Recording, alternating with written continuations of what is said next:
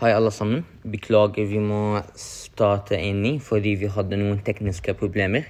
Så nå skal, vi, nå skal vi fortsette, og Metin har lyst til å svare på, spørs, på spørsmålet sitt. Ja, det stemmer at man kan bruke falske nyheter for å spre hatefulle ytringer, kommentarer.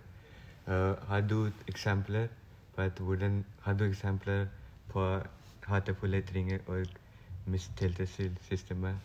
Ja, det gjør jeg. For meg så har jeg to eksempler på hver av de.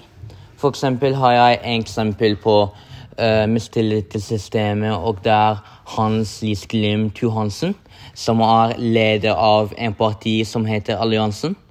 Og Hans Lis Glimt Sprer hatefulle ytringer med å gi rasistiske kommentarer til 14-åringer gjennom nettchatter, eller sånn nettchat. Og han går rundt i skole, i ungdomsskole og videregående skole for å prøve å vinne uh, For å prøve å vinne uh, uh, skolekampen.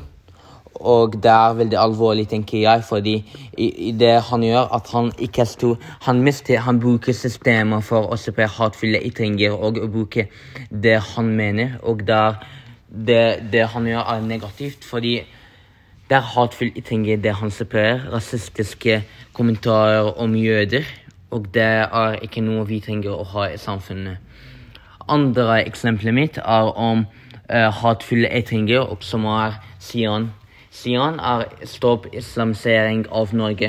Og dette her er, noen for, er en gruppe av folk som er rasistiske mot islam, som gjør at de går mot eh, muslimer, eller de møter muslimske folk, og de brenner Koran og hemmelige bøker foran dem. Og det gjør at folk i noen tilfeller går mot de eller angriper de, og de bruker det for å, for å, vise, at, for å vise islam på en dårlig måte.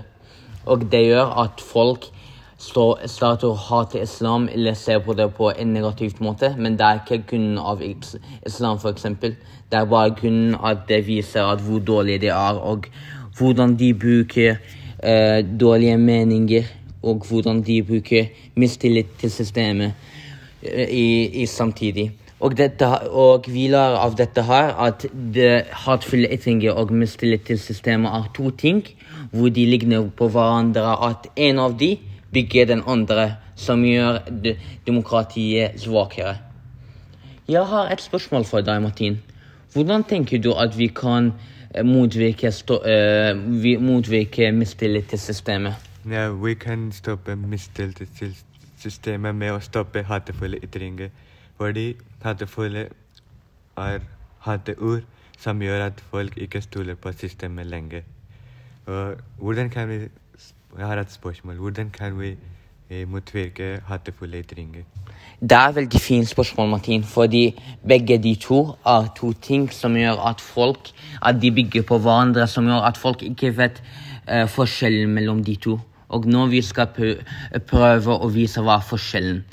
Fordi vi kan uh, stå på hatefulle ytringer gjennom å forklare folk konsekvenser til det hatefulle ytringer, og forklare at det er negativt å se på hatprat, som, som Hans Gisglimt Johansen gjør som gjør at folk hater på hverandre og gjør demokratiet svakere.